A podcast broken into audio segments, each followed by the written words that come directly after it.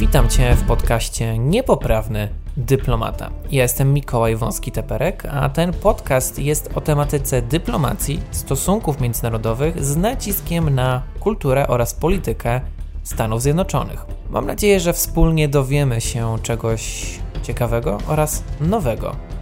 Zapraszam do odsłuchu.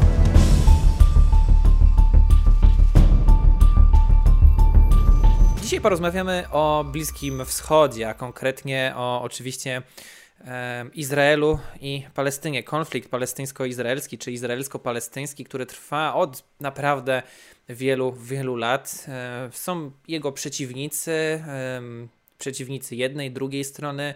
Generalnie trudno obrać jakąkolwiek ze stron, aczkolwiek oczywiście są te skrajności i widzimy to także w Polsce, widzimy to także w polityce właśnie amerykańskiej.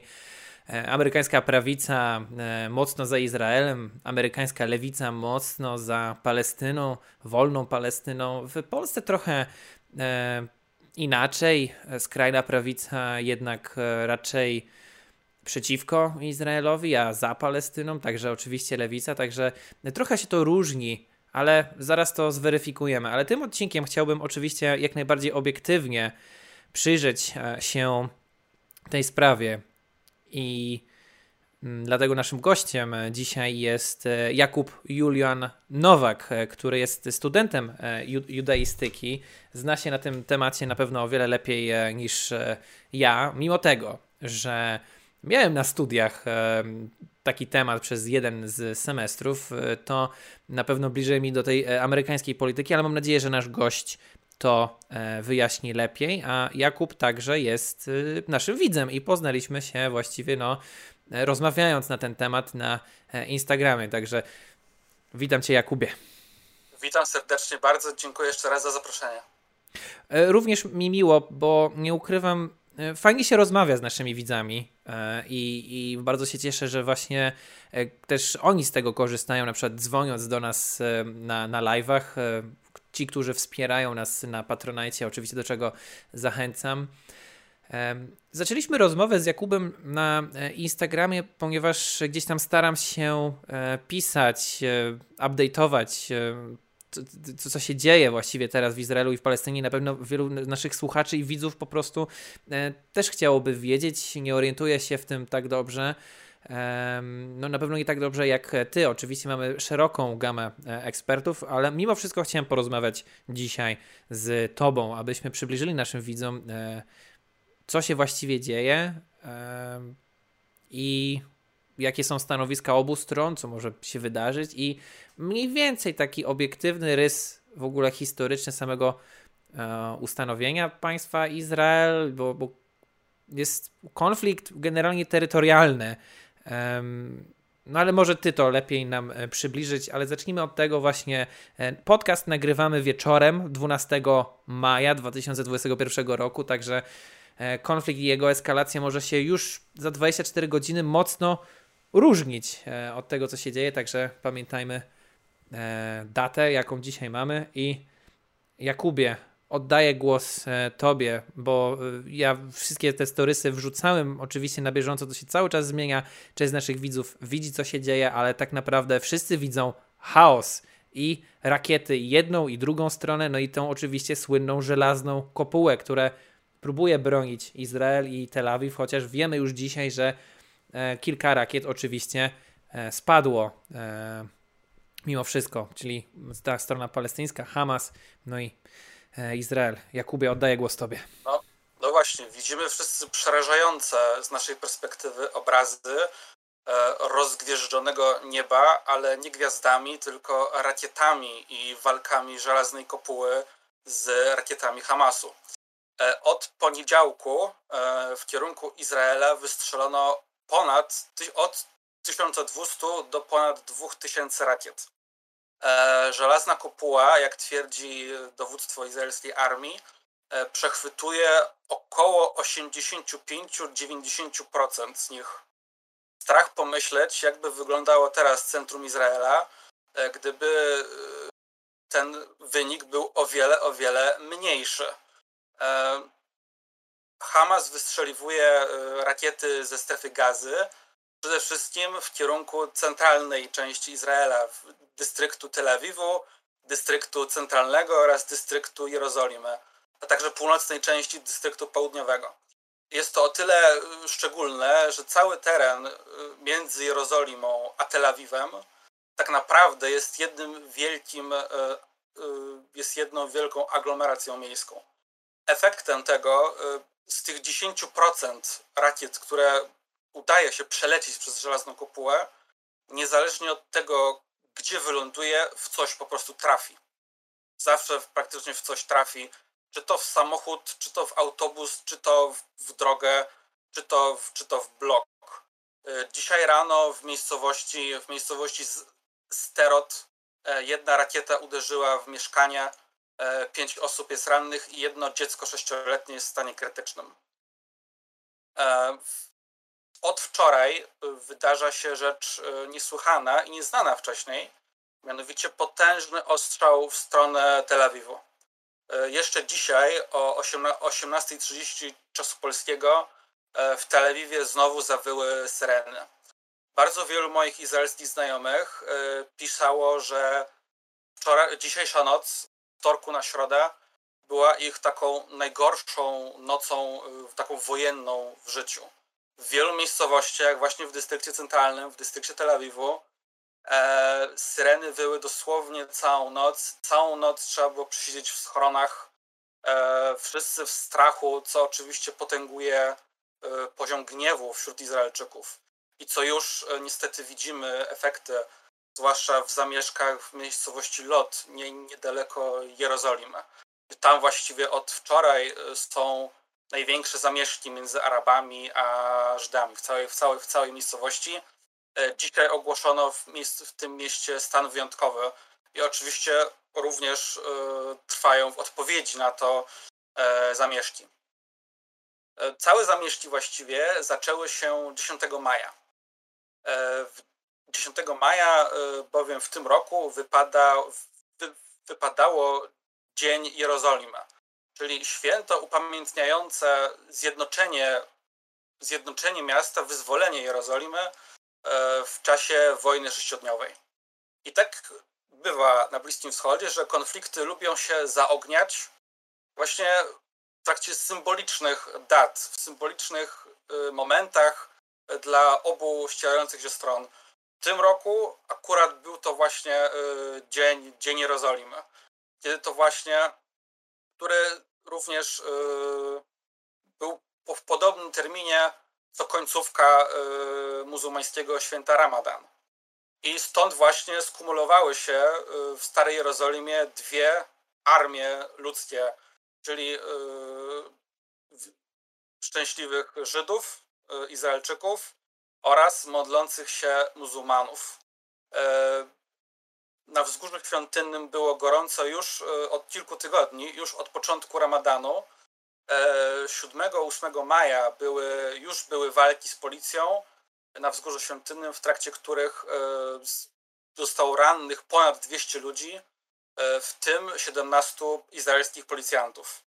E, Palestyńczycy jak zwykle e, zabarykadowywali się w meczecie Al-Aqsa, przykładowo, i uderzając policjantów e, kamieniami, przykładowo. I w momencie rozpoczęcia 10 maja Dnia Jerozolimy rozpoczęły się salwy rakiet ze strefy gazy. Takim pierwszym wstrząsającym obrazkiem tego dnia było, kiedy w trakcie zamieszek na wzgórzu świątynnym w wyniku tego, co zrozumiałem, z tego, co otrzymaliśmy informację, e, jakiś fajerwerek ze strony Arabów zapaliło się drzewo na wzgórzu świątynnym. Zapaliło się parę drzew na wzgórzu świątynnym i ponieważ już było ciemno wtedy, już było ciemno, E, widok był taki, jakby płonął meczet Al-Aqsa na wzgórzu świątynnym. Tak, właśnie, bo to jest y, to, to, to, zdjęcie, czy to nagranie dość często jest właśnie mylone, że to jest totalny jakiś fake news i redaktor Tomasz Winiarski na naszym Facebooku, niepoprawny dyplomata, właśnie e, napisał e, na ten temat cały wpis. Jeżeli pozwolisz, to zacytuję go. E, w mediach pojawił się fake news. E, siły obrony Izraela miały rzekomo zbombardować meczet Al-Aqsa, który znajduje się na jerozolimskim wzgórzu świątynnym, co według fake newsa wywołało w nim pożar. Następnie uradowani z tego faktu Żydzi mieli zgromadzić się w okolicy, by tańczyć, skakać i skandować radosne okrzyki, ciesząc się, że płonie muzułmańska świątynia. E, jaka jest jednak prawda. W istocie Żydzi, których widać na e, nagraniach, nie celebrowali zbombardowania meczetu. Obchodzili coroczne święto Dnia Jerozolimy, ustanowione na pamiątkę zdobycia wschodniej Jerozolimy przez izraelskie siły zbrojne w trakcie tzw. Tak wojny sześciodniowej z 1967 roku. Dla zaatakowanego przez Arabię koalicję Izraela była to wojna obronna. Elementem obchodów Dnia Jerozolimy jest marsz przez miasto, który kończy się przy ścianie płaczu, gdzie odbywa się radosne skandowanie na cześć izraelskiego zwycięstwa, puszczana jest muzyka i tak dalej. Marsz, marsz jest kontrowersyjny, bowiem organizują go żydowskie środowiska nacjonalistyczne, a wśród skandowanych haseł pojawiają się także antypalestyńskie i rasistowskie okrzyki. W tle faktycznie widać ogień, jednak nie jest to pożar meczetu Al-Aqsa, który wcale nie został zbombardowany przez IDF, Israel Defense Forces, pali się znajdujące się nieopodal drzewo, które zapaliło się na skutek obrzucenia go środkami pirotechnicznymi petardy raceflary przez palestyńskich protestujących. Natomiast trzeba zauważyć, że yy, zapewne wielu ludzi radośnie skandujących pod ścianą płaczu, yy, widząc ogień na wzgórzu świątynnym, być może naprawdę myślało, yy, że płonie Al-Aqsa. Tak. I na, na wielu tych nagraniach e, niestety e, z wielką przykrością można zauważyć, że bardzo wielu Izraelczyków ewidentnie jeszcze głośniej e, śpiewa i jeszcze żywiej tańczy z radości, że na tej Al-Aksie coś się stało. I co jest najgorsze, zdjęcia zostały zrobione, filmiki nagrane i wysłane w świat. I e, ta wieść, że Izraelczycy cieszą się, jakoby cieszyli się z płonącej Al-Aksy, no, wyruszyła w cztery strony świata. I tego samego dnia jeszcze, co widać było na wszystkich mediach społecznościowych, e, wszyscy palestyńscy użytkownicy e, internetu, a na pewno ich miażdżąca większość, no właśnie wysyłała takie filmiki z podpisem, no, trącające Izraelczycy cieszą się, że płonie nasze święte miejsce. Mhm. E, niestety to jest tak naprawdę e, o wiele gorsze nawet od, nie, od niejednej rakiety, ponieważ to zaognia konflikt przede wszystkim na ulicach, to zaognia konflikt między ludźmi i na odwet nie trzeba było specjalnie długo czekać, ponieważ właśnie w mieście Lod, o którym już wspomniałem, właśnie e, palestyńscy protestujący podpalili e, synagogę e, w, w mieście. Zatem efekty takiej propagandy z obu stron właściwie no, przynoszą efekty bardzo szybko. I niestety są one bardzo krwawe dla wszystkich. Czyli od, od tak naprawdę zamieszek w tych świętych miejscach dla obu stron tak naprawdę, bo tam już się tliło tak na, no, już od tygodni z tego, co y, powiedziałeś i z tego, co też rozumiem. E, od fake newsa do fake newsa, od zamieszek do zamieszek, tak. e, jednak tak. doszło do eskalacji rakietowej. Tak. I tak. te rakiety pierwsze y, zostały wystrzelone ze strefy gazy, rozumiem, że Dokładnie. przez Hamas. Dokładnie, praktycznie wszystkie rakiety y, obec, w, obecnym, w obecnej wymianie ognia są wystrzeliwane ze strefy gazy właśnie przez bojowników e, Hamasu. E, Hamasu, y, czyli jednocześnie Hamas jest jednocześnie partią polityczną, ale też de facto organizacją paramilitarną która, no właśnie, skądś te rakiety bierze cały czas. E, zapewne dowództwo izraelskiej armii także chciałby to wiedzieć, skąd e, bez przerwy właściwie bojownicy Hamasu mają nowe te rakiety. Obecna wymiana ognia jest największą od wielu, wielu lat. E, największą w czasie formalnego pokoju. Przecież formalnie wojny nie ma z obcym krajem. E, na chwilę obecną formalnie trwa e, pokój, tylko że przerywany non-stop salwami rakiet z jednej i drugiej strony. Jest to największy tego typu e, eskalacja konfliktu dodatkowo Palestyńczycy chyba już się nie boją eskalować konfliktu. Dawniej raczej w kierunku Tel Awiwu nie strzelano rakiet, a także w stronę Jerozolimy.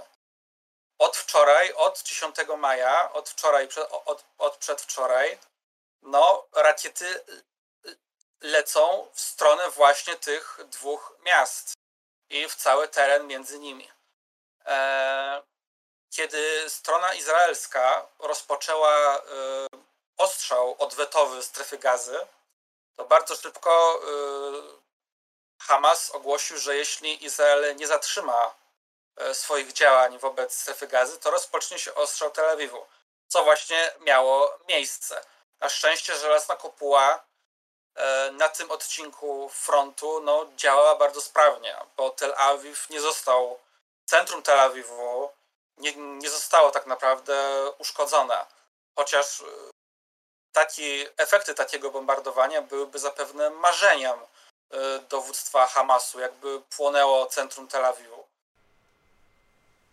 Czym właściwie jest e, e, ta e, żelazna kopuła? Bo właśnie tutaj w sumie poruszyłaś temat, o który chciałem Cię bardzo zapytać, że z jednej strony pytanie, skąd Hamas ma swoje rakiety i wyrzutnie, a skąd Izrael ma swój sprzęt wojskowy, bo każda z tych stron ma jakieś zaplecze, jakichś sojuszników. Mhm. Żelazna kopuła jest systemem, izraelskim systemem obrony rakietowej działającym z powodzeniem od już paru ładnych lat. E, do tego stopnia e, dobrze działającym, że e, nawet kraje arabskie, niektóre zgłosiły chęć zakupienia tego systemu do siebie. Między innymi Zjednoczone Emiraty Arabskie. To był jeden z powodów traktatu pokojowego między Izraelem a, a Emiratami. Coraz głośniej również się mówi o podobnej transakcji, traktacie z Arabią Saudyjską nawet. Czyli Izrael w ostatnich latach zyskiwał, e, może nie sprzymierzeńców, ale e, o wiele bardziej pokojowe nastroje niż, niż wcześniej tak, z, tak, z arabskimi tak. krajami, co mogło potencjalnie by wkurzyć, na przykład Palestyńczyków lub inne kraje arabskie? Bardzo. Widać radykalizację wśród Palestyńczyków być może właśnie jest to jeden z powodów. Ludność palestyńska ewidentnie jest wściekła na inne arabskie kraje, że de facto odwróciły się od Palestyńczyków całkowicie plecami. A to nie, nie były. Żeby nie, nie powiedzieć brzydziej, żeby nie powiedzieć brzydziej. Tak, a nie jest to efekt polityki Donalda Trumpa, a raczej też między innymi Jareda Kushnera, e, zięcia, tak. Te, który. Tak, i, i również premiera Benjamina Netanyahu, który również no, również inicjował to i się zgadzał na te wszystkie traktaty. Tak, polityka Donalda Trumpa, jak wiemy, wbrew, wbrew temu, co mówiły niektóre media, e, była jedną z bardziej pokojowych, jakie mieliśmy e, okazję widzieć ze strony Stanów Zjednoczonych. E, nie tylko starał się rozwiązywać Trump problem w Korei przykładowo, ale także właśnie na Bliskim Wschodzie. W obecności amerykańskich dyplomatów podpisywano traktaty właśnie Izraela z Emiratami, z Bahrajnem, czy z Maroko, czy I to nawet jeszcze w ostatnich dniach prezydentury, kiedy już było po wyborach. W sytuacji, kiedy już y, wiedzieliśmy, że 20 stycznia tego administracja Trumpa zakończy swoje urzędowanie. Mimo to y, konsekwentnie realizowano taką strategię zawiązywania kolejnych traktatów i umów y, handlowych, głównie w przemyśle zbrojeniowym. E, no, Palestyńczykom, jak widać, to się nie podoba, e, mimo że właśnie widzimy efekty tych traktatów na arenie międzynarodowej. E, Palestyńczycy ewidentnie są wściekli na swoich arabskich pobratymców, widząc coraz bardziej, że jedynie rakiety Hamasu mogą im coś zmienić. Skoro ich dotychczasowi sojusznicy w postaci państw arabskich stwierdziły game over. Dogadujemy się z Izraelem, koniec, koniec kropka. A kto stoi teraz w takim razie za Palestyną? No bo to, co słyszymy w mediach i to, co ja słyszę, oczywiście możesz to albo uzupełnić, albo zweryfikować, jeżeli jestem w błędzie, e, no to to jest, wszyscy nazywają Hez... Hamas? E, organizacją terrorystyczną, mhm. fundowaną przez Persów, przez Iran, który nienawidzi tak. Stanów Zjednoczonych, który pomagał im e, szmuglować te wszystkie rakiety przez Egipt. I to właśnie, to właśnie Islamska Republika Iranu jest uważana za tego głównego. Głównego. Ale mówi się też gdzieś tam zar o. Zarówno, zarówno Hamasu, jak i Hezbollahu, innej, innej, innej organizacji. Właśnie chciałem to powiedzieć, Hezbollah, mhm. Hamas. I e, oczywiście gdzieś tam się mówi w całej tym, tej szachownicy stosunków międzynarodowych jeszcze e, o Rosji, a nawet o Chinach. Tak. E, ostatnio. E, I Syrii. Do, do, grona, do grona sojuszników Palestyńczyków dołączyła Turcja. E, coraz bardziej tak. radykalizująca tak. się w stronę islamu pod wodzą Erdogana czego między innymi efektem była zamiana Hagi Sofii ponownie na meczet przykładowo. O tak, I to coraz, jest jedna z wiadomości tak, takich.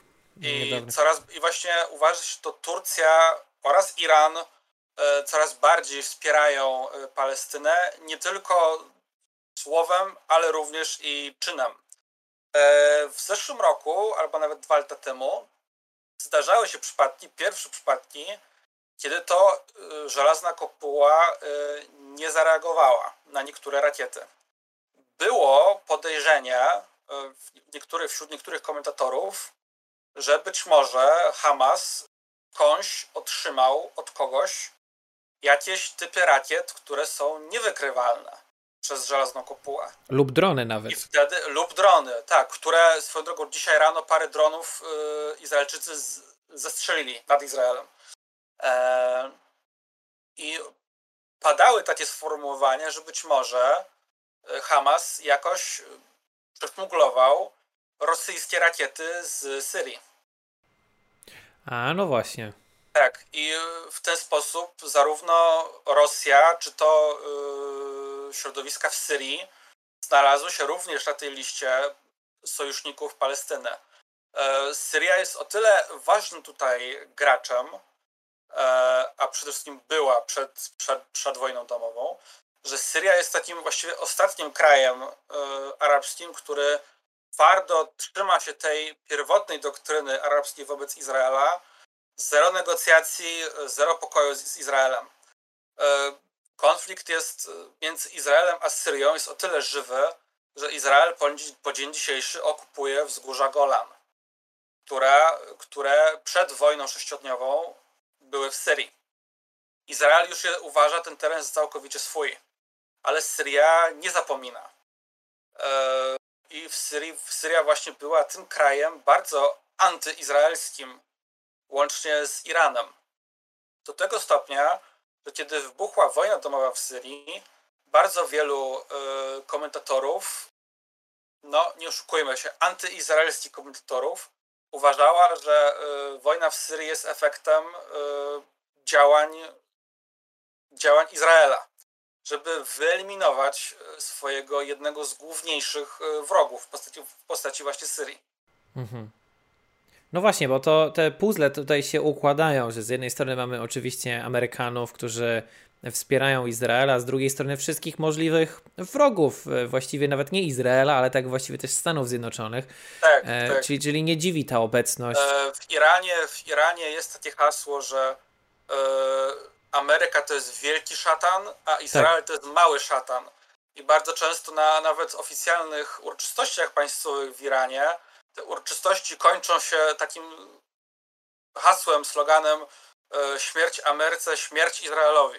Więc de facto tutaj e, Izrael jest uważany za coś jakby kolonię Izraela wręcz, e, a czy za, za kolonię Stanów, Stanów. Zjednoczonych. Hmm. Tak, że jest to właściwie synonim. To też bardzo często nawet w jeszcze do niedawna istniejącej Al-Kaidy była taka narracja, że Izrael jest takim swoistym przedłużeniem krzyżowców. Takiego o. właśnie takiego albo jakiegoś ruchu y, neo, neokolonialnego, że sionizm jest takim y, nowym kolonializmem y, Europejczyków na Bliskim Wschodzie. Okej, okay. właściwie w ciągu tych 25 minut pierwszych tego podcastu udało nam się podsumować właściwie tak naprawdę ostatnie dwa dni z lekkim rysem e, historycznym, tam mniej więcej od e, wojny e, sześciodniowej, aczkolwiek chciałbym się nawet cofnąć dalej I mówi się, że Izrael jest sztucznym bytem, sztucznym krajem ze sztucznymi granicami, ale to samo mówi się z drugiej strony o Palestynie, że to też są w jakiś sposób sztuczne granice. Po II wojnie światowej zostało utworzone państwo Izrael i, i byśmy mogli dla ludzi, którzy nie znają tej historii od, od zakończenia II wojny światowej, jak w ogóle przebiegała w skrócie ta historia i ten konflikt pakistańsko E, przepraszam, chciałem powiedzieć pakistańsko-indyjski. E, przepraszam, e, wróciłem aż e, głową do, do swoich studiów ze stosunków międzynarodowych. E, oczywiście mam na myśli palestyńsko-izraelski, e, ponieważ obie strony roszczą sobie, mają roszczenia co do terytoriów świętych według jednych i według drugich. Tak Y, ja wiem, że można na ten temat pisać i książki, i ja miałem cały semestr na ten temat, i nadal uważam, że nic nie wiem na ten temat. To jakbyśmy jednak spróbowali wyjaśnić naszym widzom, od czego to się zaczęło i jak te terytoria Izrael zaczął przyduszać aż do właściwie strefy gazy i tych takich małych, bo to w tej chwili tak wygląda, takie małe obszary pośrodku właściwie Izraela, można które należą do tej strefy. Można też na początku jako taką uszczypliwą uwagę dodać, że tak samo sztucznym krajem ze sztucznymi granicami są chociażby Stany Zjednoczone. tak naprawdę. Okej. Okay. No właśnie, bo, bo widzisz, ja, ja tu próbuję właśnie pokazać, że to jedna i druga strona ma jakieś typu, argumenty. Tego typu, tego typu narracja jest bardzo skrajnie mhm. subiektywna za, zazwyczaj. Jest wiele Dlatego państw, podałem które, które mają sztuczne, mhm. sztuczne granice, na, na przykład Singapur. e... No właśnie, są różne opinie. E, tak. Chcę, chcę tutaj właśnie spojrzeć na rys tego konfliktu e, od samego początku, bo, bo właściwie to wszystko się zaczęło od... Jak wiemy, późnych lat 40., tak, tak? Już tak, e, zaczynając od samego, samego początku, e, naród żydowski przez 2000 lat żył, no. W, tak, żył w tak zwanej diasporze, czyli w rozproszeniu. E, I dopiero w XIX wieku e, niektórzy myśliciele żydowscy wymyślili taką ideę, że naród żydowski powinien mieć własne państwo.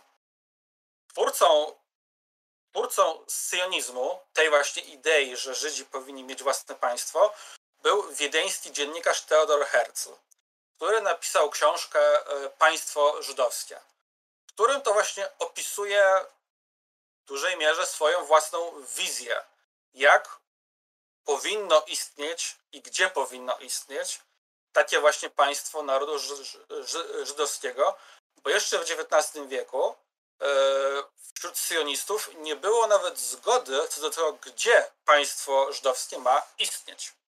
Oczywiście naturalnym, e, naturalnym wyborem była biblijna ziemia Izraela, ale niektórzy zwracali też uwagę na możliwość e, wykupienia jakiejś ziemi na zasadzie właśnie kolonii. Typowano Madagaskar, typowano ziemię współczesnej Ugandy, a nawet w XIX wieku E, jeszcze e, parę osób wymyśliło, e, czy by może nie zrobić jakiegoś państwa na pustyni na Dzikim Zachodzie. Czyli coś, co między innymi zrobili Mormoni. Utah. Tak, tak, coś, co zrobili Mormoni w Utah na podobnej zasadzie.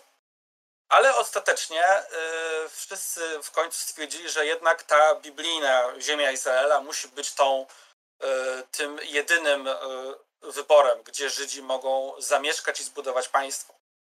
E, hasło było też takie, że e, musi istnieć państwo, do którego Żydzi nie będą potrzebowali wizy.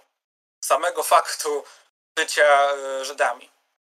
No to też ruch sionistyczny natychmiast, co prawda powoli, ale w miarę rozwijał swoją myśl i w miarę rozwoju tej myśli sionistycznej zaczęła się emigracja Żydów właśnie do ziemi Izraela. Wtedy jeszcze, do 1918 roku, ziemia Izraela była częścią Imperium Osmańskiego. E, na początku XX wieku, przykładowo, e, założono miasto Tel Awiw, które e, całkiem niedawno obchodziło okrągłą rocznicę swojego, rocznicę swojego założenia. E, Tel Awiw, miasto sztuczne, sztucznie zbudowane od podstaw, obok starożytnego miasta i portu w Jaffie, która dziś jest de facto dzielnicą Tel Awiwu. Stąd nawet mówi się Tel Awiw Jaffa dzisiaj w Izraelu. E, po I wojnie światowej, gdy Imperium Osmańskie upadło, e, te tereny ziemi Izraela przypadły e, po podziale Imperium Brytyjskiemu. I właśnie Imperium Brytyjskie stworzyło na tych terenach swoją kolonię o nazwie Mandat Palestyny.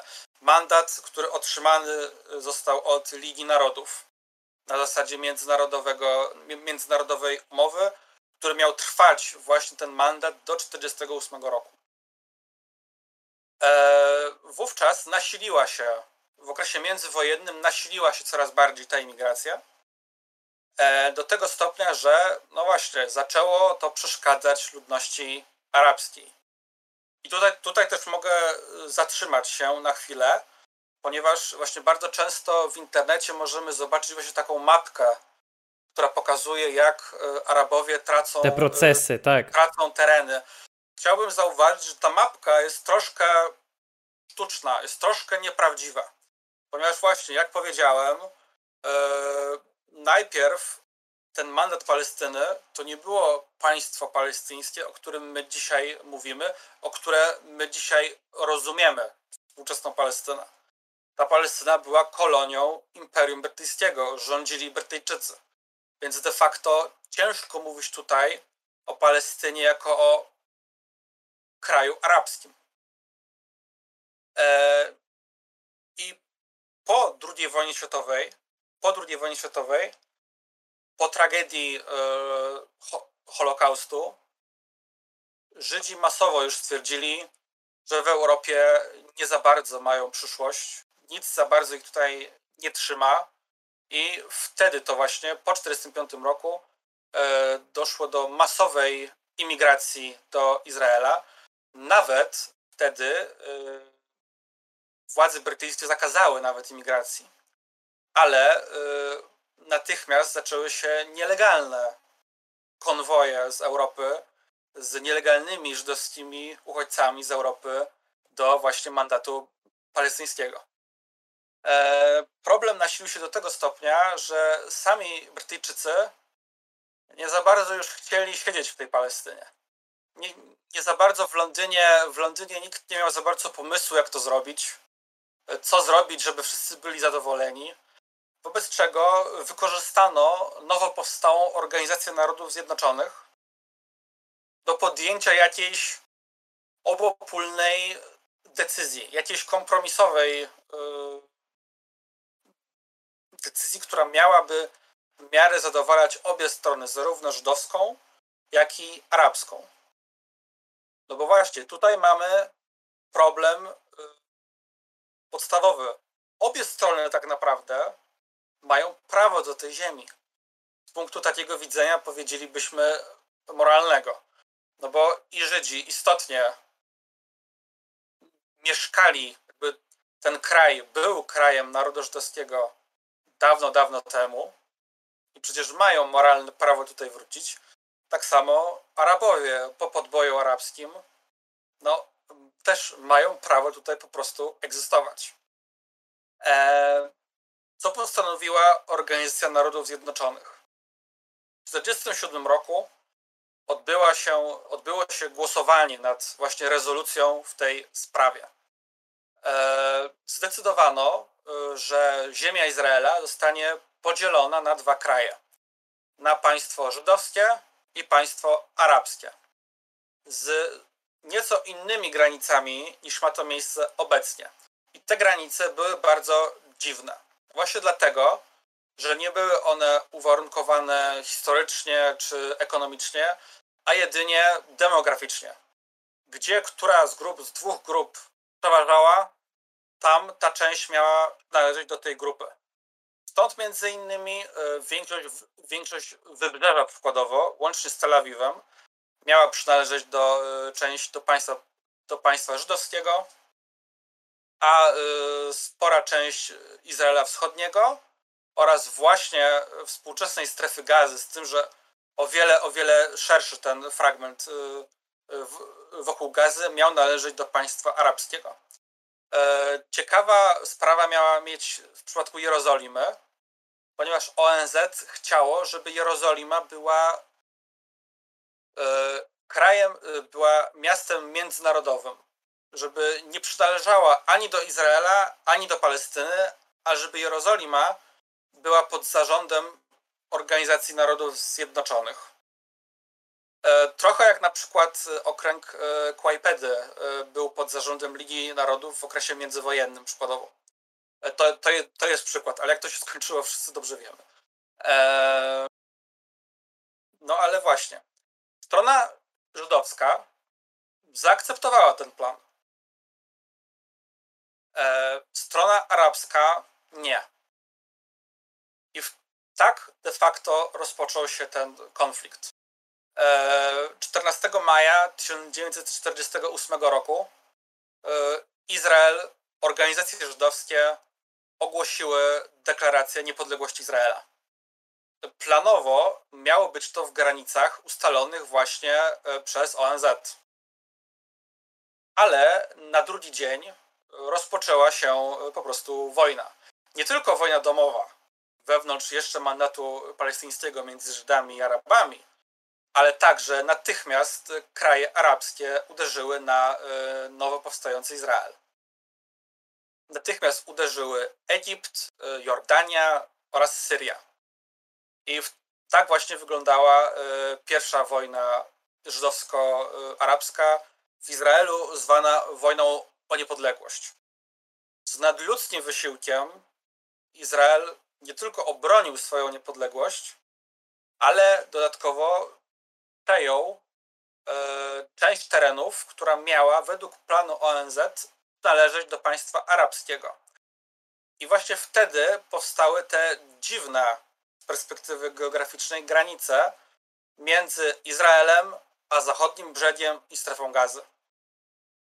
I wtedy to y, doszło do bardzo ciekawej rzeczy. Mianowicie po wojnie o niepodległość ta część ze strefą gazy była częścią, stała się częścią Egiptu, a zachodni brzeg Jordanu wraz ze starą i wschodnią Jerozolimą, wraz ze starą Jerozolimą, czyli wraz ze wzgórzem świątynnym, a także ze, ze ścianą płaczu czy, czy, czy grobu, cała ta wschodnia część była część, stała się częścią Jordanii. I tutaj warto się, się zatrzymać, ponieważ bardzo wielu y, zwolenników Izraela, bardzo wielu przeciwników Palestyny argumentuje a propos tego okresu do wojny sześciodniowej. Przez praktycznie 20 lat zachodni brzeg Jordanu oraz strefa gazy były, były w krajach arabskich. Bardzo wielu pyta się, co w takim razie, czemu wtedy nie zrobiono niepodległego państwa palestyńskiego. Bardzo wielu Izraelczyków i zwolenników Izraela argumentuje w ten sposób, że y, Palestyńczykom przede wszystkim chodzi o zniszczenie Izraela, a nie o życie we własnym kraju, bo jak twierdzą, bo jak twierdzą, żyli 20 lat w Jordanii i w Egipcie i nie robili z tego tytułu problemów. E, problemy większe zaczęły się w 1967 roku właśnie, kiedy doszło do wojny sześciodniowej. W ciągu sześciu dni Izrael zajął całą Jerozolimę, cały zachodni brzeg Jordanu, całą strefę gazy oraz, co ciekawe, cały półwysep Synaj z rąk Egiptu. Tak więc cały obszar do kanału Sueskiego stał się częścią Izraela. Dopiero y, po wojnie Jom Kippur, dopiero pod koniec lat 70., e, Egipt i Izrael podpisały ze sobą traktat pokojowy. Pierwszy traktat pokojowy Izraela z krajem arabskim i na mocy którego Izrael oddał e, Półwysep Synaj w ręce Egiptu w zamian za pokój. To również, co, co, co ciekawe, to również zapoczątkowało tradycję niejako izraelskiej dyplomacji w kontaktach z arabskim światem, taktykę pod tytułem Ziemia za pokój. My oddajemy ziemię, my ze swojej izraelskiej strony oddajemy jakieś terytorium w zamian za pokój. Tak też potem powtórzono tą taktykę przy, w latach 90. w trakcie porozumienia z Oslo, kiedy to Izrael zgodził się na utworzenie autonomii palestyńskiej na zachodnim brzegu i właśnie w strefie gazy. E, porozumienie wywołało duży sprzeciw swoją drogą w Izraelu. Spory sprzeciw także w Palestynie, którzy bardzo wiele osób w Palestynie e, do dziś uważa, że nie powinno być żadnych, żadnych negocjacji stroną izraelską, e, między innymi Hamas, czy inna organizacja o uroczej nazwie Islamski Dżihad, e, te organizacje uważają, że nie powinno być żadnych negocjacji z państwem sionistycznym, że jedyną, jedyną możliwością jest wojna permanentna z Izraelem. To też między innymi układy OWP, czyli Organizacji Wyzwolenia Palestyny, są przez Hamas e, i islamski dżihad uważane za zdradę interesu palestyńskiego. E, Organizacja Wyzwolenia Palestyna e, robiła co mogła, by jakkolwiek utworzyć właśnie jakiś zalążek państwowości palestyńskiej, jako potem autonomia palestyńska pod przywództwem e, znanego palestyńskiego przywódcy Yasira Arafata. W którym momencie pojawia się obecny premier Netanyahu i jak e, on właściwie jest postrzegany przez Izraelitów, ponieważ osoby, które nie śledzą jego ani kariery, ani polityki, mogą być zdziwieni, że w ostatnich tak naprawdę paru latach E, już chyba piąty raz ubiega się o reelekcję e, i czy rzeczywiście on był przełomowym e, liderem dla Izraela właśnie w tej kwestii palestyńsko-izraelskiej? Netanyahu jest obecny w izraelskiej polityce od dawna. Od lat, a, właśnie, a u szczytu izraelskiej polityki jest od lat 90., kiedy to po raz pierwszy pełni urząd premiera. Netanyahu, no istotnie, E, można powiedzieć, że swego rodzaju hakował system, tudzież e, rozbił bank. E, od wielu, wielu lat jest tak naprawdę numerem jeden w izraelskiej polityce i fizycznie nie widać kogoś innego, kto mógłby go zastąpić. Nie ma, nie widać osoby, która miałaby taki poziom charyzmy jak Netanyahu i taki Ciężko powiedzieć, czy to jest wizja, czy po prostu y, lekko pragmatyczne, ale z jednej strony też lekko jastrzębie myślenie o Izraelu, o konfliktach. Bardzo ostre, bardzo często reakcje Netanyahu. Przykładowo wczoraj na konferencji prasowej Netanyahu powiedział, że e, Hamas i Palestyna zapłacą za to, co zapłacą drogo, za to, co e, czynią od ostatnich dni. E, a na co e, minister obrony e, albo szef sztabu generalnego dodał od siebie, że lista celów, jaką mamy, jest bardzo długa. Okay. Przykładowo. Przykładowo. Więc Izrael przesłanie jest takie, że lista celów jest bardzo długo, długa, a amunicji nam wystarczy. A takie jednak, być, a też tej amunicji być, do obrony. Takie może być przesłanie. Mhm. E, Netanyahu już od wielu lat jest no, szefem rządu de facto. Teraz też jest szefem rządu. Mimo, że od poprzednich wyborów, które były w marcu, które były według mnie stosunkowo dużym sukcesem partii Likud, która e, zgarnęła dla siebie 30 miejsc w 120-osobowym Knesecie. Jest to stosunkowo dużo, bo y, druga największa partia obecnie w Knesecie, Jesh Atid, czyli jest przyszłość, e, ma miejsc 17. Więc różnica jest stosunkowo tak. E, spora. E, nie ma w poprzednich wyborach, w jeszcze poprzednich, była zupełnie, zupełnie inna sytuacja, kiedy to Likud miało, jeśli to dobrze pamiętam, 32 mandaty i tyle samo miała partia Kahol Lawan, czyli biało-niebiescy. Benego Gansa, który obecnie pełni funkcję ministra obrony. Mimo wszystko, mimo wszystko Netanyahu nie potrafił od marca stworzyć koalicji rządowej. Wobec czego prezydent Izraela Rivlin, który swoją drogą też jest z, z Likudu, powierzył Jairowi Lapidowi, czyli liderowi partii Yesh Atid, propozycję, żeby to on spróbował E, stworzyć nową koalicję rządową z Lapidem właśnie jako premierem, najprawdopodobniej. Ale, ale Netanyahu mimo wszystko pełni funkcję tego premiera tymczasowego w związku z tym. I bardzo wielu komentatorów zwraca uwagę, że jest to właściwie sytuacja e, bardzo niezwykła, czy również z perspektywy prawnej. Gdyby teraz miało dojść do e, regularnej wojny z Palestyną.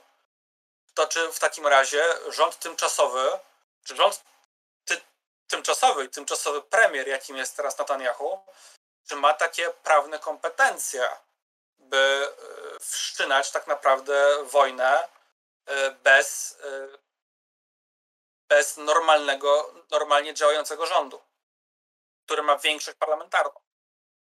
Też trzeba zauważyć, że wcześniej w zasadzie zawsze było tak, że w sytuacjach krajnych, radykalnych e, i, niebezpiecznych dla bezpieczeństwa Izraela e, właściwie tworzono rząd jedności narodowej. Kiedy to praktycznie wszystkie partie w Knesecie zazwyczaj wchodziły w skład tego rządu. Na razie obecnie nie słychać takich y, nawołań do takiego rządu jedności, jedności narodowej. To jest też ciekawe swoją drogą. E, być może też, nie oszukujmy się, wiemy, jak e, działa świat wielkiej polityki i e, trzeba też zwrócić uwagę, że sytuacja obecna, jaką mamy, jest tak naprawdę również na rękę Netanyahu. Właśnie ponieważ, chciałem to dodać. Ponieważ, ponieważ znów może się on pokazać jako ten silny, jastrzębie lider, który e, broni interesu e, no i jakoś poprowadzi Izrael do kolejnego su sukcesu.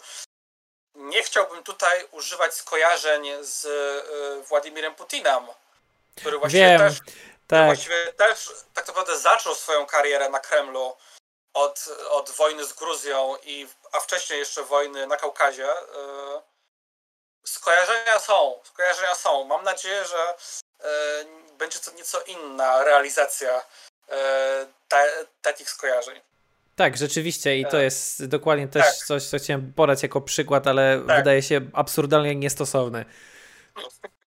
Ale, no, ale wiemy, jak, jak, ten, jak ten świat jest urządzony.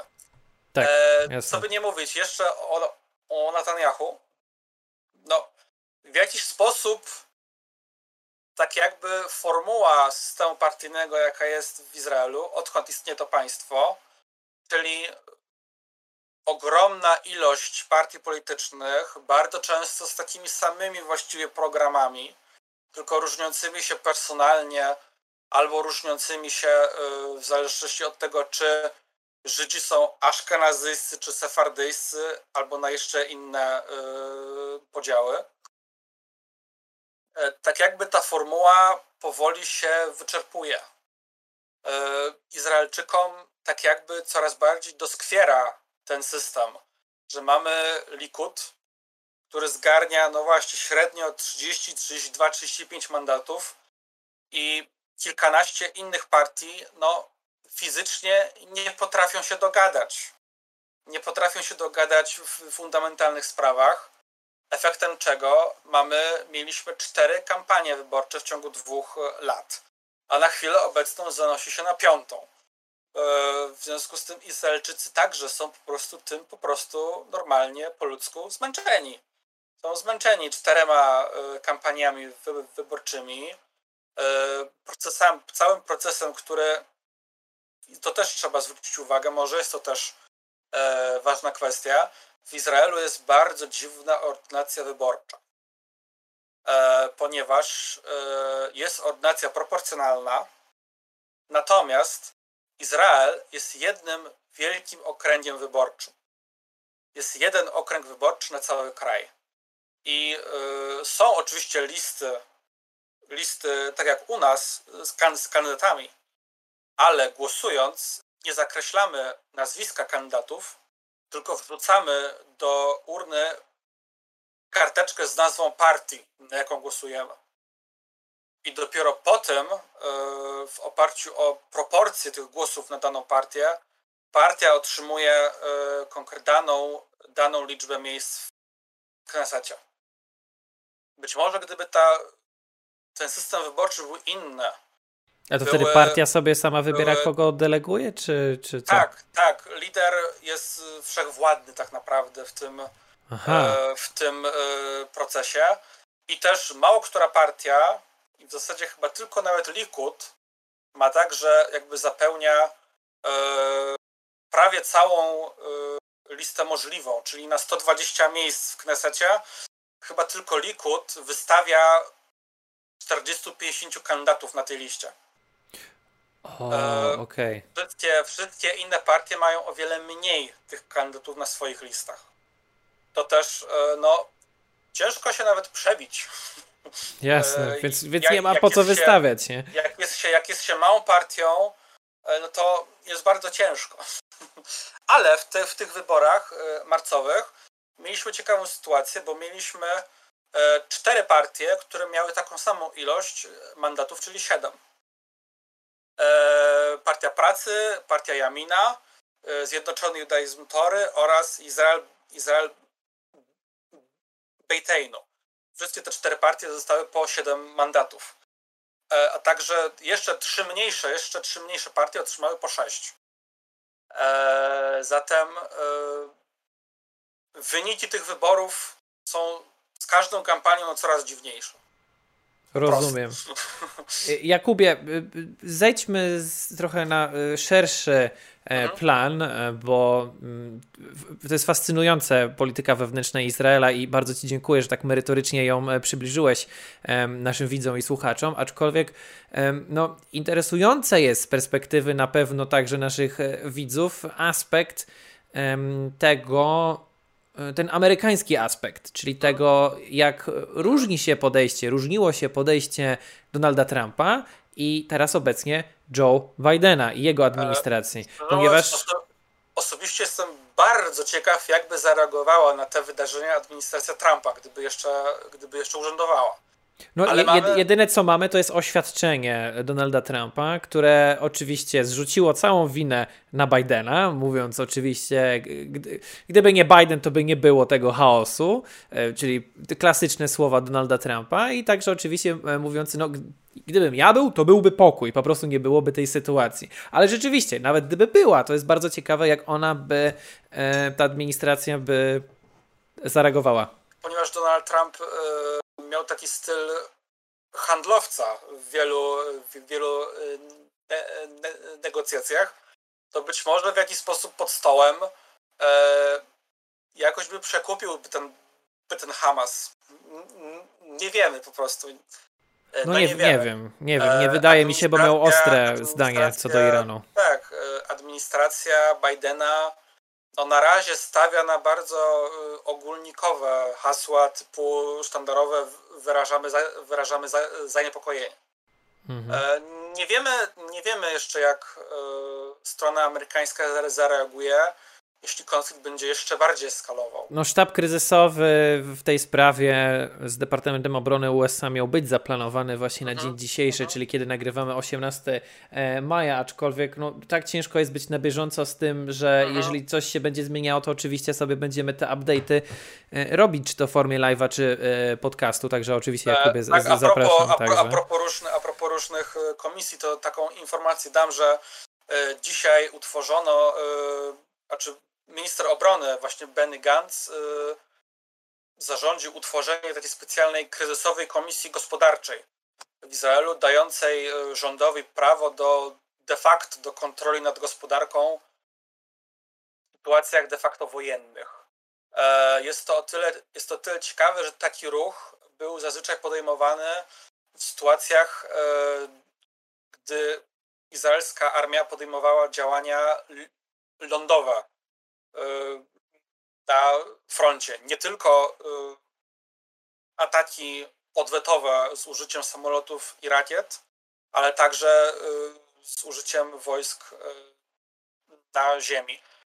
Czy w związku z tym może Izrael planuje, może powtórzyć coś w rodzaju operacji Płynny Ołów, kiedy to armia izraelska wjechała po prostu do, do strefy gazy i już będąc na ziemi y, zdemontowała y, przyrząd, y, artylerię Hamasu. Zobaczymy, jak, zobaczymy. Jest to niewykluczone, ponieważ już zobaczymy. ciężarówki z czołgami to... na granicę podjechały. Tak, tak, tak, tak. No, zobaczymy. E, wracając do e, kwestii amerykańskiej. Tam jestem ciekaw, jak Biden zareaguje na e, jeszcze większą eskalację tego konfliktu, chociaż już się wydaje według wielu, że to już jest ogromna eskalacja. Sytuacji, kiedy w ciągu w dniu wczorajszym Hamas się pochwalił, a IDF potwierdziło, że w ciągu pięciu minut, w pewnym momencie, w ciągu pięciu minut wystrzelono ze strefy gazy 137 rakiet. I że jest to rekord, jest to rekord od wielu, wielu, wielu e, lat. Zatem e, no, administracja Bidena, jeśli chciałaby zareagować, to powinna zareagować już, tak naprawdę, według mnie. Wspomniałeś w, w kilku momentach e, naszej rozmowy, że obie strony mają moralne prawo do, do, do tego regionu, do tej ziemi. E, I oczywiście wybuchło, może wybuchło to jest za dużo powiedziane, ale odbywa się w, dosłownie w tym momencie, jak my teraz nagrywamy ten podcast, protestów wiele na całym świecie. Między innymi mieliśmy protesty już w, w samych Stanach Zjednoczonych, w Nowym Jorku, w Minneapolis.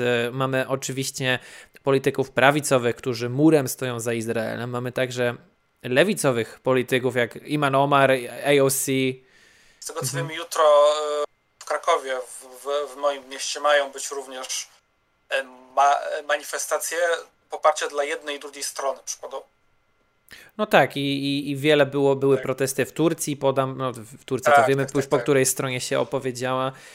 No i e, na pewno wielu z naszych widzów i słuchaczy też się gdzieś tam podziela na jednej i po drugiej stronie, dlatego tak bardzo delikatnie chcę pochodzić do tego tematu i ciężko jest nawet taką skrajną opinię powiedzieć, nie, ja stoję po tej stronie, ta strona ma rację, nie, ja stoję po tej, bo ta ma rację, bo równie dobrze można stanąć po środku i powiedzieć, Boże, co za chaos.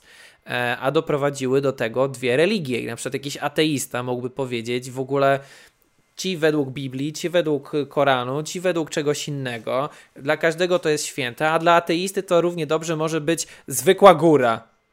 Istotnie trzeba zauważyć, że właśnie w tych skrajnych formach e, poparcie dla jednej i drugiej strony ma e, uwarunkowanie przede wszystkim religijne. Religijne, dokładnie. E, sam Hamas i islamski dżihad w swoim programie politycznym, że się tak wyrażę, no właśnie dążą do tego, żeby ta niepodległa Palestyna była takim Iranem, była właśnie taką islamską teokracją. No dobrze, czyli czy ten konflikt według ciebie można nazwać właściwie konfliktem religijnym, czy o podłożu religijnym w głównej mierze? E, według mnie konflikt na Bliskim Wschodzie jest sam w sobie osobną kategorią. Okay. E, ponieważ konflikt na Bliskim Wschodzie oznacza jednocześnie konflikt religijny, stricte etniczny również, e, ekonomiczny na wszystkich możliwych e, płaszczyznach. No i geopolityczny, bo Rosja wspierając jedną stronę tak, tak naprawdę tak. ściera się w tej chwili każde, z USA. Każde, każde mocarstwo także chciałoby coś tutaj ugrać dla siebie. No pięknie. A też trzeba, trzeba też zauważyć, że e, przykładowo w Izraelu e, bardzo e, tak poszkodowana psychicznie jest przykładowo mniejszość chrześcijańska. E, bo bardzo, bo wśród chrześcijan, którzy teraz w Izraelu chrześcijanie się modlą o pokój przede wszystkim we wszystkich możliwych świątyniach. E, e, wśród chrześcijan izraelskich są zarówno osoby pochodzenia żydowskiego, jak i arabskiego. E, ciekawe są tutaj właśnie osoby pochodzenia arabskiego, które z jednej strony wewnętrznie uważają się za Palestyńczyków i chciałyby niepodległej Palestyny, ale doskonale zdają sobie sprawę, że są chrześcijanami, mogą być chrześcijanami na chwilę obecną tylko dlatego, że żyją pod jurysdykcją Izraela. A to przypadkiem tak nie jest tak, że z niektórymi mieszkańcami strefy gazy, którzy uważają, że żyją w tej strefie, ale nie mają na przykład tak radykalnych e, poglądów jak e, Hamas? Na pewno w strefie gazy żyje ponad milion ludzi. E, ściśniętych na bardzo małej przestrzeni i zapewne, tak jak w całym Izraelu, e, co człowiek to opinia. Jasne. Oczywiście. No właśnie, i tutaj na pewno ta dyskusja u nas też będzie w komentarzach ludzi, którzy tak. są skrajnie po jednej, po drugiej stronie, albo po tym skrajnym środku, który e, właśnie, tak jak przytoczyłem obie strony, tutaj. Obie strony mają za uszami swoje, obie strony, po obu stronach są przede wszystkim, przede wszystkim po obu stronach cierpią cywile. Bo to przede wszystkim oni są głównymi e, ofiarami e, tych starć. E, bardzo często po prostu cierpią niewinni. E, wczoraj izraelska policja przykładowo zastrzeliła młodego palestyńskiego chłopaka, no, ale przyznano się przynajmniej, przyznano się, że to był błąd. Słyszałem że, w samochodzie. Że źle oceniono, że źle oceniono no, se, se, sytuację i tak dalej. Okej. Okay. Mhm. Zatem, e, a z kolei e, właśnie we wspomnianym już kilkukrotnie LOD e, wczoraj rakieta przykładowo rozerwała na strzępy ojca i córkę z rodziny arabskiej. Pa, a, to, a to była palestyńska rakieta, tak. tak. Palestyńska pa, no, rakiety, Friendly fire tak zwane. Rakiety nie wiedzą w co strzelają. Po prostu. Który z systemów jest lepszy niż drugi? E... Znaczy, ja nie mówię o systemie politycznym, mówię o systemie rakietowym. Tak, tak no do, domyśliłem się. Dobrze. E, wygląda na to, że żelazna kopuła zdaje egzamin po prostu cały czas. Jak na razie, no, oczywiście. Miażdżąca, miażdżąca większość pocisków nie trafia w ziemię. No, módlmy się o to, żeby ta skuteczność żelaznej kupuły po prostu się, się, się utrzymała. Ciężko tak naprawdę, y, nie mam, nie mam wiedzy inżynieryjnej w żaden sposób, ale nie wiem, czy można ze strony palestyńskiej mówić o jakimś systemie tak naprawdę. E, bardzo znaczy ja słyszałem komentatorów, którzy mówili, że ten system przez ostatnie właściwie niewiele, kilka lat, 6-7 lat, e, mocno się ulepszył e, mamy, dzięki właśnie wsparciu no, Iranu. Istotnie teraz mamy mamy boom, jeśli chodzi o amunicję ze strony palestyńskiej. To na pewno, to na pewno, ale jak widać ze zdjęć, te wyrzutnie rakiet po prostu są często umieszczone w aglomeracji miejskiej w środku gazy czasami. I stąd niestety Izrael jest no, niejako zmuszony po prostu ostrzelać no, środek miasta. E, Żeby trafić prawda, nie w cywilów. Tak, co prawda, co prawda izraelska armia wykorzystuje taką taktykę, E, polegającą na tym, że ostrzeliwują, e, jak, Iza, jak izraelska armia chce ostrzelać jakiś budynek, to, e, to ten roof knocking, takim, tak? Tak, strzelają takim częściowo ślepym pociskiem w kierunku dachu na taki znak, żeby uciekać, żeby się ewakuować.